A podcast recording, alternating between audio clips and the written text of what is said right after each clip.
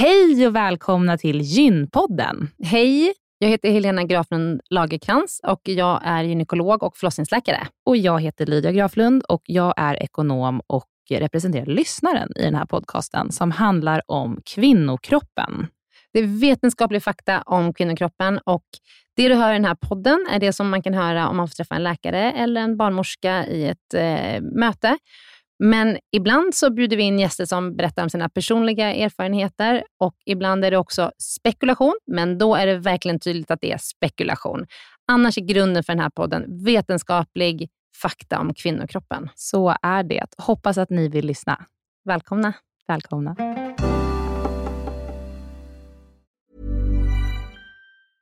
There's never been a faster or easier way to start your weight loss journey than with PlushCare. PlushCare accepts most insurance plans and gives you online access to board-certified physicians who can prescribe FDA-approved weight loss medications like Wigovi and Zepbound for those who qualify. Take charge of your health and speak with a board-certified physician about a weight loss plan that's right for you. Get started today at plushcare.com slash weight loss. That's plushcare.com slash weight loss. plushcare.com slash weight loss.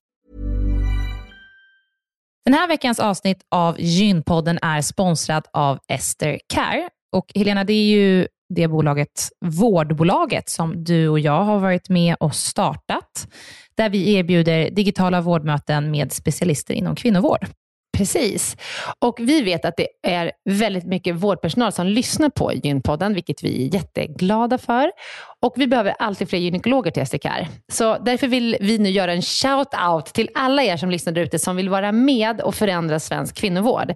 Vi söker specialister inom gynekologi, men också ST-läkare som har kommit en bit in i sin ST och som vill arbeta digitalt eh, med handledning på, hos oss på STKR. Mm. Och precis som det är för våra patienter som kan söka vård hos oss, det vill säga att de kan bo vart som helst i landet eftersom vi är digitala. Om man laddar ner appen och så bokar man ett vårdmöte, så kan ju även läkaren bo vart som helst i landet eller flytta under tiden man jobbar hos oss. Det är ju väldigt, väldigt flexibelt eftersom eh, man jobbar hemifrån. Och Jag tänker att det måste ju också vara helt underbart att som läkare kunna arbeta hemifrån och planera sin egen tid några dagar i veckan. Ja, verkligen. Och samtidigt vara med och förändra kvinnovården med kollegor som är otroligt drivna och engagerade. Det är jätteroligt att jobba på SDKR. Och jag tycker att det här är en häftig grej som vi gör just nu, att vi erbjuder gyn, äh, gynvård i hela landet. Och vilka är de vanligaste patientmötena du tar, Helena? Ja, men det är ju klimakteriet, eh, PMS, eh, mensbesvär. Och det är ju såklart Eh, ärenden och eh, diagnoser som går att hantera digitalt. Men vi remitterar också vidare när det behövs. Mm. Eh, och tar labbprover när det behövs mm. och så vidare. Mm. Så gå in på sdcare.com, klicka på jobba hos oss i menyn för att läsa mer och skicka in en ansökan. Tack så mycket. Tack och välkomna. Hej och välkomna till Gympodden. Hej. Välkomna Hej. nya året 2023. Nya året, nu kör vi. Vi ja. börjar direkt med det som är superrelevant efter nyår och olika nyårslöften som många har eh, tagit på sig. Och Det är hur man bibehåller en god vana. Yes, jag tycker det här är ett så otroligt intressant eh, ämne. För att, alltså, vem känner inte igen sig i att man måndag morgon efter att man har liksom ätit lite för mycket på helgen, att man säger nu ska jag ta tag i det här. Och Sen så käkar man inte jättemycket och ganska nyttigt hela dagen och sen kommer kvällen och sen är man sugen och så tar man en limpsmörgås. Eller, alltså, det är så otroligt svårt att, eh, alltså, även fast man vet i sitt huvud att, exakt vad man ska göra, så är det så himla svårt ja. att styra, liksom, att inte hålla sig till sina tankar. Känner du igen det Lydia? Ja, jag känner igen det. Jag eh, skulle säga att jag är väldigt on eller off. Alltså att jag, har, jag måste antingen gå helt av att äta till exempel socker och bestämma mig för att jag äter inte det överhuvudtaget. Och då kan jag hålla mig mm. relativt bra. Men om jag ska ha någon sorts, här, hitta bra balans, det tycker jag är jättesvårt. Det kan inte jag, jag kan nästan inte hålla mig till det. Nej. Eh, men det jag tycker är intressant med det här är också hur, eh, efter att ha poddat så mycket avsnitt som vi har gjort nu och om så mycket kvinnorelaterade sjukdomar, kvinnokroppsrelaterade sjukdomar, så är det ju så många sjukdomar som blir påverkade av också att man ja, men man har fel livsstil. Alltså det är mm. så många som ingår i behandlingen av eh, klimakteriet och endometrios, att man äter bra, att man rör på sig, att man gör det kontinuerligt och sen mm. så är det ändå så svårt, men mm. ändå så viktigt. Ja, och då, då är det ändå bara de kvinnorelaterade sjukdomarna. Om man tänker diabetes ja. typ 2, hjärt-kärlsjukdomar, alltså, det finns ju hur mycket som helst som påverkas av kost och, eh, kost och träning. Men vi ska prata om det här idag. Och eh, ja, ska, får jag äran att introducera gästen? Det får du. Kör. Ja. Välkommen Sofia Westerberg. Woo! Woo! Tack så mycket. Eh, Sofia, eh, du är, jag, jag, ska först i din presentation skriva att du är för detta elitidrottare, för det tycker jag är en, en bragd. Det är en enorm, alltså allt du har gjort är ju otroligt, men det, att vara, du har vunnit SM i handboll vid två tillfällen. Ja, så? precis. Två ja. gånger. Ja. Men nu är det ganska länge sedan, nästan 20 år sedan. Så att, ja. eh... Men det lever ju ändå, det måste ju ändå kännas liksom gott hela tiden att ha det med sig i bagaget. Det är kul att ha gjort det kan man säga och man har väldigt stor nytta av det. Och eh, jag inspireras fortfarande av elitidrottslivet kan man säga. Mm. Eh, med hur man levde, vad man gjorde och på vilken no nivå som man gjorde saker. Mm. Eh. Ja, superhäftigt. Och sen är du personlig tränare du är utbildad beteendevetare och du är utbildad att utföra FAR. FAR är fysisk aktivitet på recept. Det är någonting som man arbetar med eh, inom vården och vi kommer att prata om det. Vi kommer beröra det jättekort idag, så kommer vi ta ett helt poddavsnitt om det, för det är superviktigt. Mm. Eh, men det är min presentation av dig. Du bor här i Stockholm. Ja. Eh, partner, tre barn. Precis, yes. exakt. Bra, men nu kör vi igång. Ja.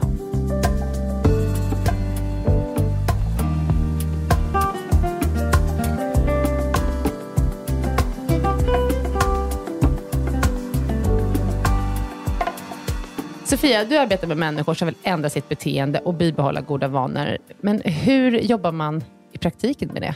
Eh, för att liksom etablera en god vana så är det väldigt viktigt att man gör det successivt. Eh, för att man ska kunna implementera vanan på ett bra sätt.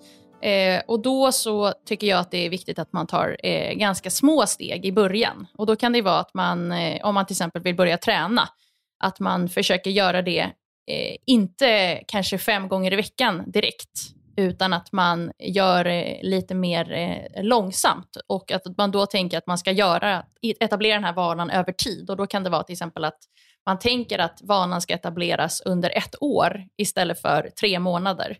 För ibland så träffar jag människor som säger att jag vill träna tre gånger i veckan. Och det är kanske egentligen det som man borde göra, men det kanske då gör att man inte kommer kunna etablera vanan på sikt. Och det är ju viktigare att man behåller vanan över tid än att man tränar tre gånger i veckan i tre månader för att sen sluta. Och att det är det som är eh, den viktiga saken för att man ska kunna fortsätta. Så man ska smyga in det? Man ska börja med att träna en gång i veckan eller? Ja, jag skulle säga det. För att om du kan träna en gång i veckan i ett år och ha en låg ribba, så är det bättre än att träna väldigt mycket eh, under kort tid. Mm. Eh, och då är det också större chans, eh, eller vad man ska säga risk, eller jag vet inte hur man ska säga där, men eh, att man kan fortsätta med det och att eh, det måste också vara integrerat i ens liv. Mm. Eh, och där handlar det väldigt mycket om hur, hur man ska sätta in i sitt liv. Alltså till exempel när ska man träna? vad ska jag göra? Hur, hur, får man in det med sitt vardagsliv? Kan man eh, använda vardagsmotion? Ja, det finns massa olika saker, olika knappar man kan vrida på för att mer få in en eh, god vana i sitt liv. Och där mm. rekommenderar jag då att man tar små steg i början istället för att göra stora steg. För det är då lättare att fortsätta mer över tid. Och att jag träffar ju folk som kanske tränar bara en gång i veckan och de får jättefina resultat trots det. Och många tror ju då, ah, men det spelar väl ingen roll om jag tränar en gång i veckan. Men då brukar jag säga, jo men du tränar 100% mer än ingenting. Eh, och det är lite den utgångspunkten som jag också vill ha när man, eh, när man jobbar. Liksom. Att, att man ska jobba med det här positiva, där man eh, drivs av att man gör mer och sen så då om man har en låg ribba så är det då lättare att man kan fortsätta och känna wow, jag klarar det. Istället för att tänka nej, och jag orkade inte träna tre gånger i veckan för barnen blev sjuka eller eh, jag hade mycket på jobbet. Utan att man då har den här mera positiva utgångspunkten där man faktiskt eh, gör någonting som är bra för sin hälsa och sen så kan man ju öka upp. Eh, och då kanske man blir sjuk någon vecka och då kanske man då måste träna två gånger i veckan någon gång. Men då har man fortfarande tränat mycket mer än vad man hade gjort över tid. Just det. Det jag reflekterar över är att, att jag har alltid i mitt liv fått höra att det är också bättre att faktiskt gå och träna än att försöka prestera väldigt högt. Alltså att man drar ner kanske på ribban lite grann när man går och tränar. Att det är bättre att du faktiskt går ut på den där promenaden än att du går ut och springer sju kilometer i en viss takt. För att jag är i alla fall sån som att när jag känner att jag lägger prestation i det så kan jag känna att ah, men idag kommer inte jag orka springa sju kilometer. Då struntar jag i det helt istället. Och så har jag försökt ändra det mindsetet. att så här, ah, men Då går jag ut så kanske jag springer, alltså springer och går eh, i sju kilometer istället och så är det okej. Okay. Ja, precis. Det är precis så som jag brukar jobba också. Att man då Alltså att man inte kanske ska träna prestationsinriktat utan man ska träna för att man ska må bra. Och Då får man ju en mm. helt annan ingångspunkt i att, jag brukar säga att man ska tänka att man ska ta hand om sin kropp. Och eh, utifrån det man ska göra så är det inte heller att man ska pressa sin kropp så hårt, utan det viktigaste är faktiskt att man genomför träningen. Så jag brukar kalla det för ett, att man gör ett genomförandemål. Och Då betyder det bara egentligen att man ska genomföra passet. Det är liksom det första steget när man ska börja med någonting. Att man ska genomföra passet över tid och då kan man sätta en målsättning till exempel att man eh, då eh, ska träna en gång i veckan. Eh, och så ska man göra det. Och Då har man ju lyckats med det om man lyckas. Och Sen så kanske man måste träna två gånger i veckan för ibland kommer man inte kunna träna alls. Just det. Och Sen så Men... blir det bara plus om man tränar mer. Men då har man ju uppnått sitt mål. Mm, just det. Och Då får man mycket, mycket mer positiv ingångspunkt i det här som handlar om att man ska lyckas med det man vill göra. Liksom. Men, men funkar det här med att tänka positivt kring träning, gör det oss mer motiverade? Än, att man, än om man tänker negativt, att fasen i förra veckan blev det bara en gång. Och, Min eh, upplevelse är absolut det. Och det är det som man rekommenderar, att man också ska hitta den här inre motivationen till varför man ska träna överhuvudtaget. Att man måste hitta liksom att när kan jag träna? Hur, hur? Istället för att slå på sig själv. Och Det skulle jag säga är ganska vanligt att man gör det. Nej, men jag orkar inte, jag klarar inte. Och Då blir det ju väldigt negativt kring träning istället för att man ska tänka positivt. Mm. Eh, så, så, det tycker jag absolut. Mm.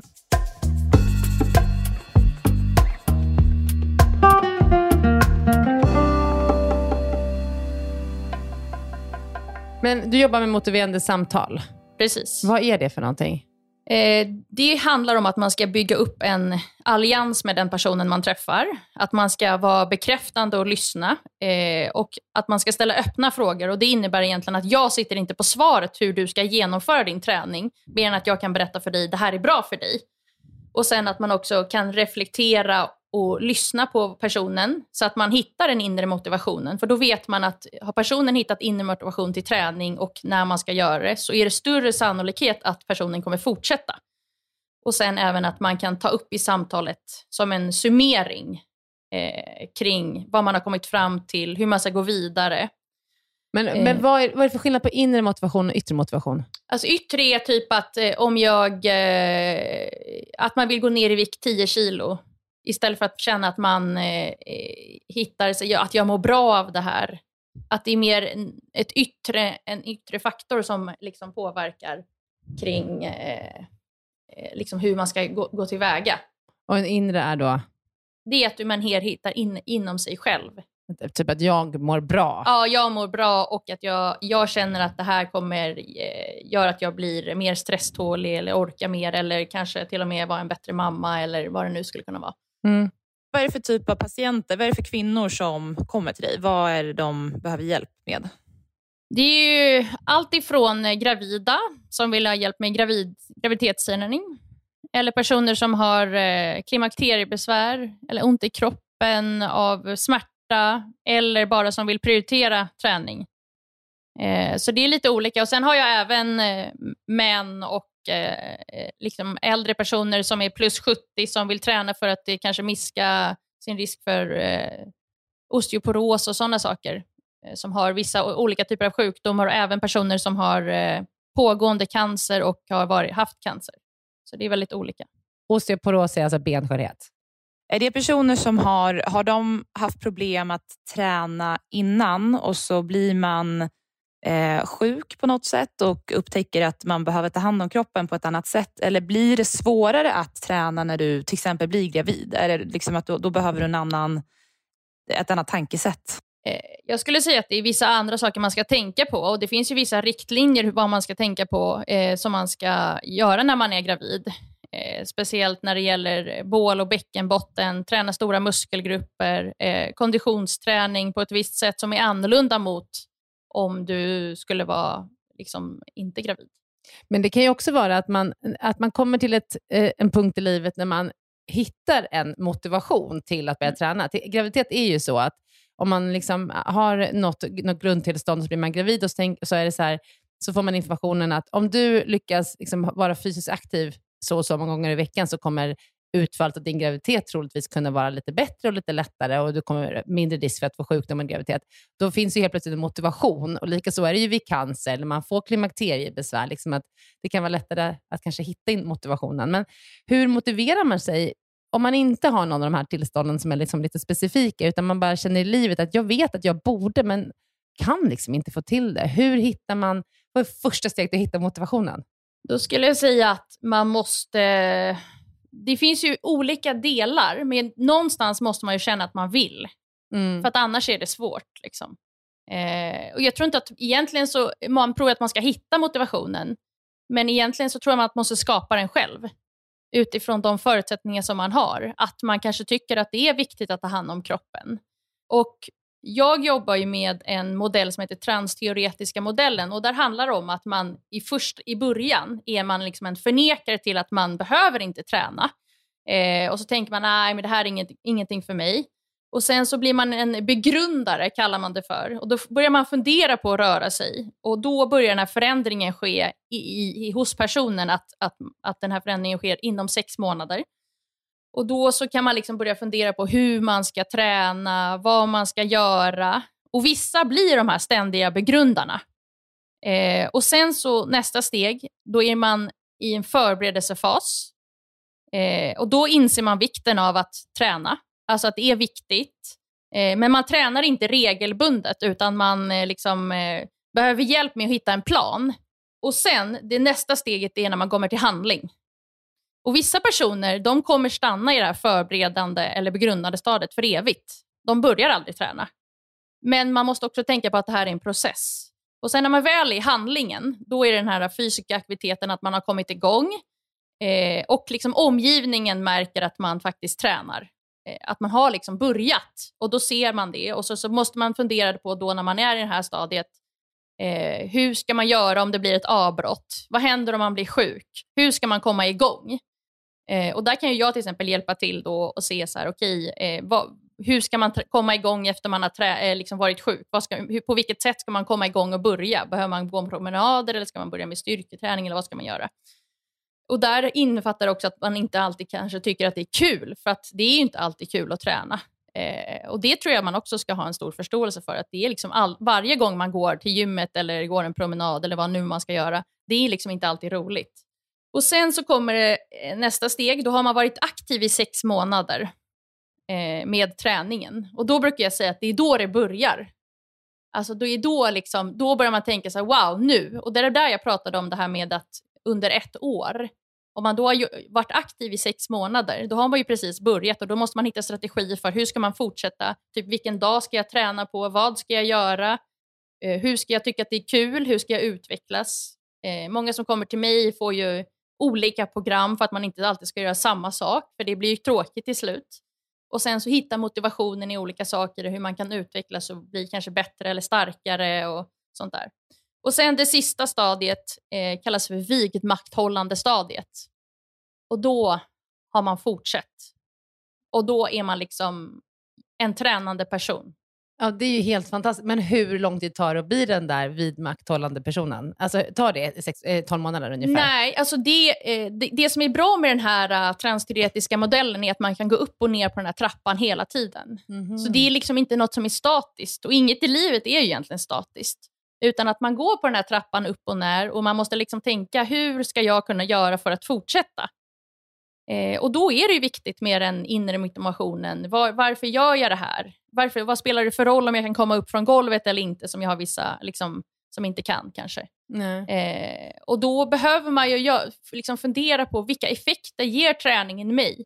Om man förstår det på ett djupare plan så blir man mer motiverad. Varför man ska göra det, vad är det som händer i kroppen man brukar prata om eh, omedelbara eh, effekter av fysisk aktivitet. Vad händer i kroppen när du faktiskt konditionstränar? Mm. Och när jag då berättar det för folk så börjar de, wow, gud, wow, vad är det här för spännande? Liksom. Man blir ju på, på, momentant mer stresstålig Ja, om man tränar. precis. Exakt. Mm. Och det är ju jättebra. Liksom. Mm. Och, det är ju, och sen så tror jag att de flesta vet inte alla goda effekter av träning.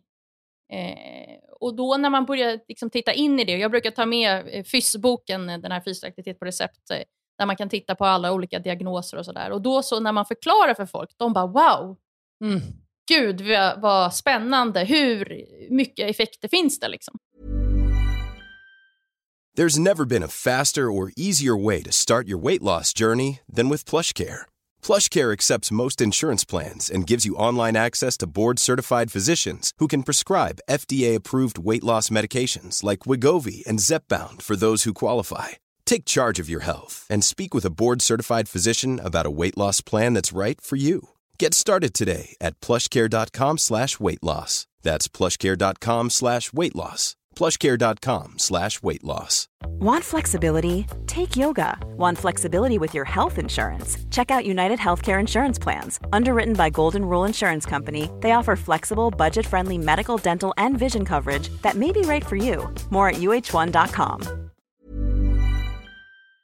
Veckans avsnitt av Gynpodden är sponsrat av mittpreventivmedel.se som är en informationssida från Bayer. Mm. Jättebra informationssida. Eh, den, den är full av information och material för att du på bästa sätt ska kunna välja vilken preventivmedelsmetod som passar dig allra, allra bäst. Och Det vi tänkte prata om idag det är att det finns något som heter samtalsguide Mm.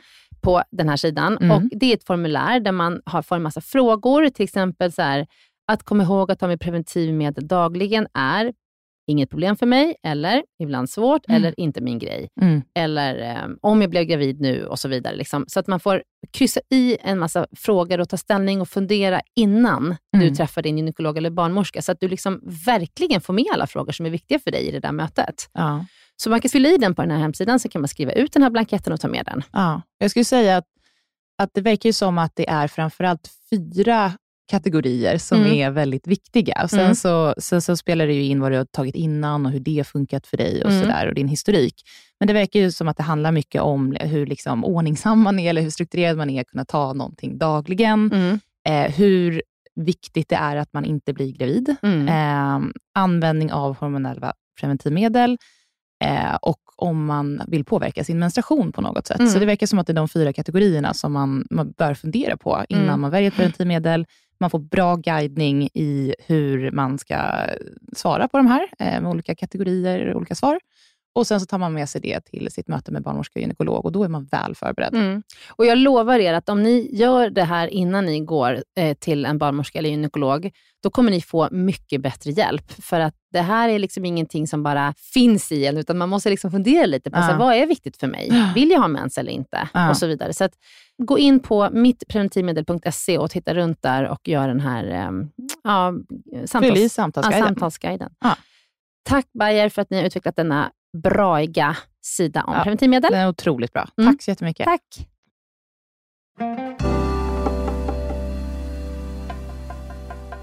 Jag tycker att det ibland kan finnas en, en gräns mellan att eh, ha en vana. Alltså vi i, i vår familj här, vi, vi är väldigt uppväxta med att eh, träna kontinuerligt. Både vår mamma gör det och startade Friskis och Svettis i Eskilstuna, har tränat mycket.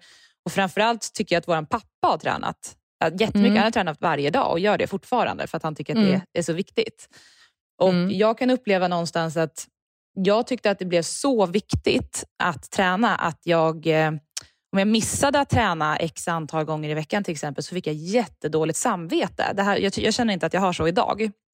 Men att jag Men haft det så att jag Ja, men att, jag, att, det liksom en, att det fick en negativ effekt på mitt psyke då. Att jag kände så här, gud vad dåligt det här. Nu failade jag hela den här veckan för att jag inte tränade så här många gånger, vilket jag borde ha gjort.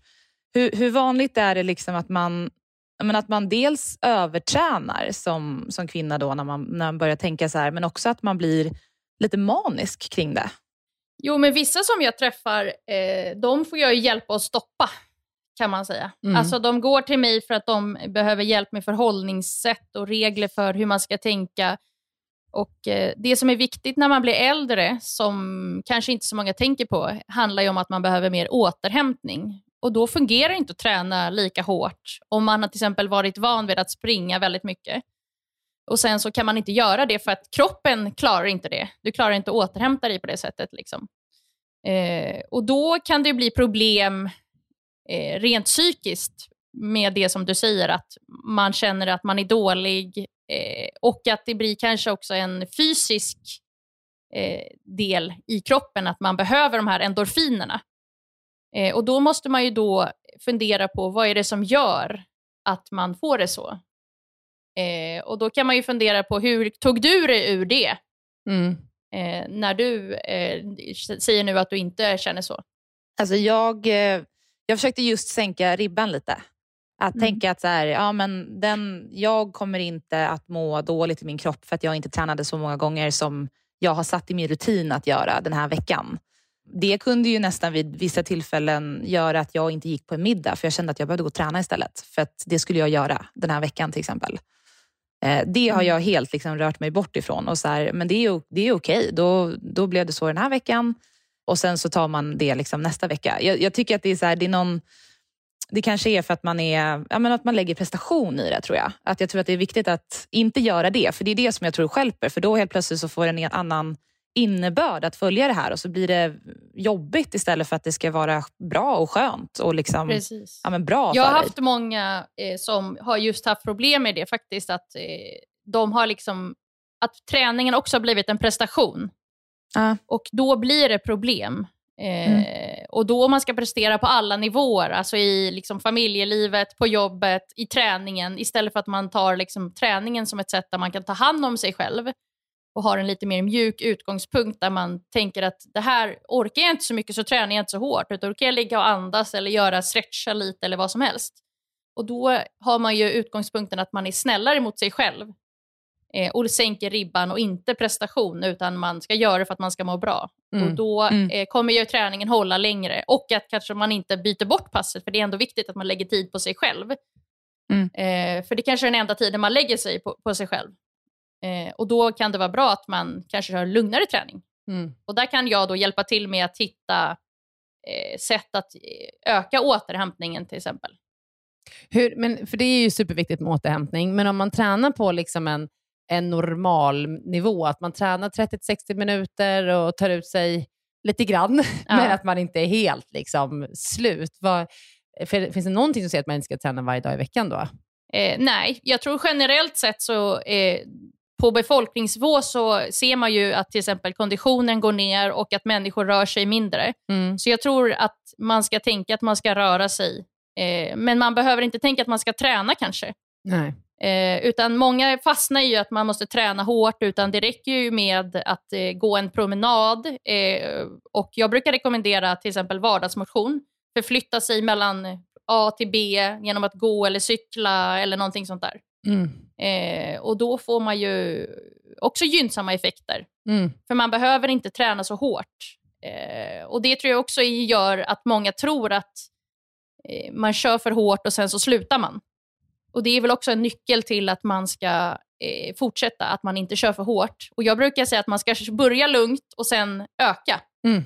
Men också, det är en viktig grej som jag kan säga från elitidrottslivet, att eh, man varierar träningen tydligare. Eh, och Många motionärer de tränar hårdare än vad de behöver. Eh, men om man tittar på de riktiga riktlinjerna för vad man ska göra så är inte det alls en hög nivå. Och när jag visar för folk när de sitter på cykeln till exempel med en pulsmätare och så ser man hur snabbt de cyklar och tänker de, gud det här är ju inte alls jobbigt. Och då kanske det gör att de genomför passet. Mm. Och det i sin tur kommer ju leda till att de kommer träna mer mm. än om de hade tränat hårdare. Så att det är det som är det viktiga, att man fortsätter och eh, inte kör för hårt och sen ökar.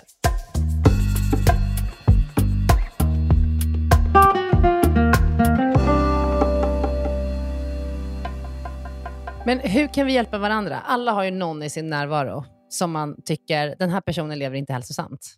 Tränar Nej. inte, äter inte tillräckligt mycket grönsaker eller vad det kan vara. Liksom, kan, hur kan man hjälpa någon som man tycker om utan att det blir liksom en, en eh, negativ... Eh, Tjatigt. Eh, ja.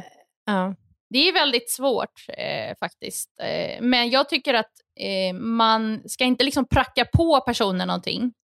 Eh, man kan säga, jag, jag har tänkt på att jag, jag, liksom, jag skulle verkligen vilja bry mig om dig och jag känner att eh, du, jag skulle vilja hjälpa dig på något sätt. Kan jag göra någonting för att du ska liksom, eh, bli hjälpt? Eh, och att man kanske kan göra det tillsammans, träna tillsammans. Eller om man har, är på en arbetsplats, att arbetsplatsen rör sig tillsammans. Mm. Att det blir mer eh, integrerat i livet eh, där man är. Kanske sätter upp stegmål.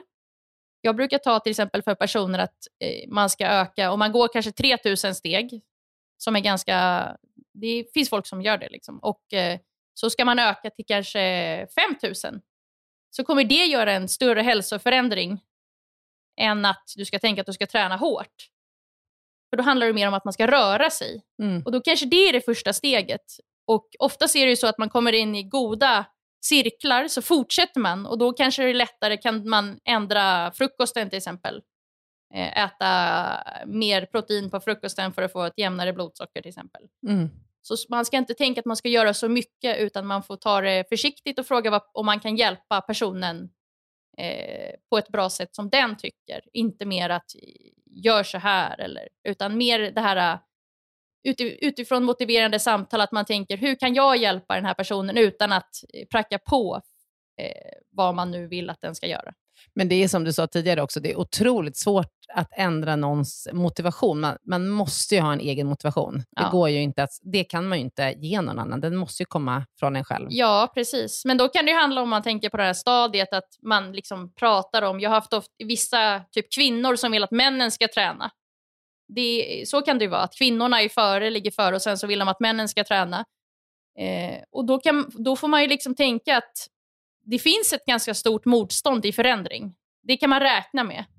För det är det för alla att ändra en vana. Och om man är medveten om det på en högre nivå så tror jag att eh, då blir det inte jätte... Omställningen blir liksom inte så här swoosh. Utan man får ta det lite successivt. Och då brukar jag säga, ja men vill du ta med dig din man så kan vi träna vi tre. Och då till slut, eh, kanske tre månader senare, så tänker mannen, åh nu ska jag börja. Mm. Men det kanske inte händer direkt. Nej. Men vad är skillnaden på en vana och ett beteende?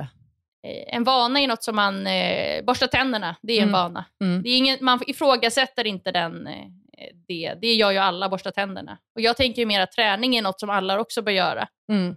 Så vi bör Eh, skapa det som vana. Ja, precis. Mm. Och sen så tror jag att man måste vara medveten om att förutsättningarna för att röra sig i dagens samhälle är mycket mindre. Att det finns elsparkcyklar, eh, man kanske åker bil till jobbet. eh, Att man måste tänka mer, hur ska man göra för att eh, röra sig? Istället för, och det gäller ju även liksom alla barn och ungdomar. Och det har ju också att göra med eh, även liksom psykisk eh, mående och sånt. Att man vet att rörelse påverkar psyket väldigt väl och det är också en viktig faktor. Det är ju så otroligt viktigt med rörelse av, i, liksom av många, i många aspekter som vi har pratat om här. Och Jag tänker på hur man kan lära ut det här mycket mer tidigare. Jag tänker att i skolan har man idrott och så går ju Mm. oftast många barn på någon sorts sport. Och Då Ja. blir det ju väldigt naturligt att du rör på dig på ett lekfullt sätt och du behöver liksom inte kanske motivera dig själv till att röra dig för att du går där med kompisar och det är varje vecka någon fotboll eller ridning eller ja, vad nu det här barnet gör. Liksom. Hur, för, och många gånger det som är lite sorgligt är att man slutar med det när man blir vuxen och så har man kanske inte med sig någonting annat riktigt för att du höll på med sport men du, har in, du, tog inte, du kanske inte har löpt när du var lite, eller liksom yngre och så har du med dig det in i att du blir vuxen. Finns det någonting man borde, som du tycker att man borde förändra i skolan? Eller, för jag kan tänka mig att om man börjar med goda vanor tidigt så kanske det är lättare att hålla i dem också i resten av livet. Absolut, jag har sett det på många av mina kunder att de som har tränat, som ni sa, att ni har ju haft föräldrar som har tränat, då är det i större utsträckning att man tränar. Och Sen så finns det också en eh, faktor av utbildning. Att barn som har eh, föräldrar som är högt utbildade, de eh, äter bättre och rör sig mer. Så det här är också en, eh, verkligen en faktor som är viktig att ta in i skolan. Eh, och Jag är faktiskt ambassadör för Generation Pep också. Och eh, Där pratar man om hur man kan integrera rörelse i vardagen, vad man ska tänka på. Eh, och Där pratar man ju mycket till exempel om att eh, gå aktivt till skolan, cykla eller gå. Eh, att man ska ta rörelsepauser. Och det vet man ju också gynnar koncentrationen. Eh, och sen så att man, eh, som precis som för vuxna, att man ska bryta stillasittandet. Och sen så hitta sätt att man vardagsmotionerar. Eh, och det finns riktlinjer från Folkhälsomyndigheten att barn ska röra sig 60 minuter varje dag. Mm. Eh, och det är ju väldigt viktigt då hur man kan i lek eh, stimulera barn att röra sig mer.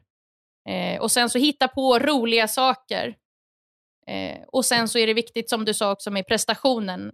För vissa barn gillar inte att tävla.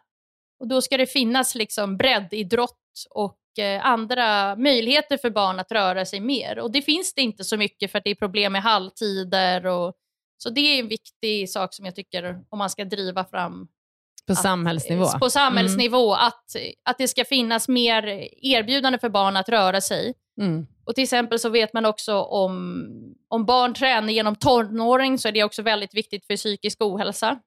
Eller det finns också en stor grupp som är hemmusittare. Eh, och de måste man liksom få in i rörelse. Det finns olika pro- projekt för det. Så att det finns mycket man kan göra, men att man måste tänka på hur, eh, att barn måste röra sig från början och att eh, banan ska etableras tidigt. Just det här med, med psykisk eh, liksom påverkan, det, det kan jag, Helena, det håller du säkert med om, men att, alltså, Mm. att gå ut och jogga har ju varit min meditation och min räddning i så många delar av livet. Det har verkligen hjälpt det är underbart. enormt mycket. Det är Så helt härligt underbart. träna. Och Mm. då kan man ju tänka att barn, alla barn ska få tillgång till det. Mm. Och det är det som jag tycker man ska driva då i skolor, att barn ska få prova på och att alla ska få, få möjligheten. Mm. Det tycker jag är viktigt.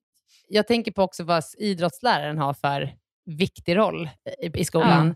För att, eh, jag kommer ihåg, jag tyckte liksom inte att idrotten var så himla kul i skolan, men ungarna, mina barn, deras skola, alltså de kommer hem och de har träningsverk och, det är, och de tycker det är så roligt. Ja. Tänker jag, den läraren har ju verkligen lyckats. Ja, Hon, hon, absolut. ja, de eh, liksom tränar verkligen. Men du, eh, vi börjar närma oss slutet på det här poddavsnittet. Det är, man kan ju prata rätt länge om det här, för det är så mycket att ta upp. Men jag tänkte ändå, kan inte du ge oss nu här, eh, 2023, vi har ett nytt fräscht, orört år framför oss. Kan du ge oss tre konkreta tips här nu, hur vi startar upp med och skapa, att skapa ett, ett nytt beteende och en ny vana? ja, absolut. Då tycker jag att man ska göra ett smart mål. Och Det betyder alltså till exempel att man bestämmer sig för att träna en gång i veckan. Och Då så ska man ju kunna, eh, man ska bestämma när det ska ske. Och då gäller det ju egentligen hela sin omgivning. Eh, och det ska vara ett realistiskt mål och accepterande. Det ska vara tidsbestämt. Eh, och då kan man säga att det- man kan sätta det på tre månaders period till att börja med. För att sen utvärdera det. Och sen så ska det vara någonting som är attraktivt. Att man eh, verkligen vill göra det. Ja, vad kul. Ja, Tack så hemskt toppen. mycket. Lydia, har du Tusen någonting mer du vill lägga till här? Eh, nej, bara att, ehm, ja, att, att få, det, få det att hända. För att det gör ju en jätte, jättestor skillnad för välmåendet. Det gör ju det. Ja. Nu kör vi tycker jag. Nu kör vi! Det Nu kör vi. vi. Tack, Tack för Sofia. idag Sofia. Tack så mycket. Hej.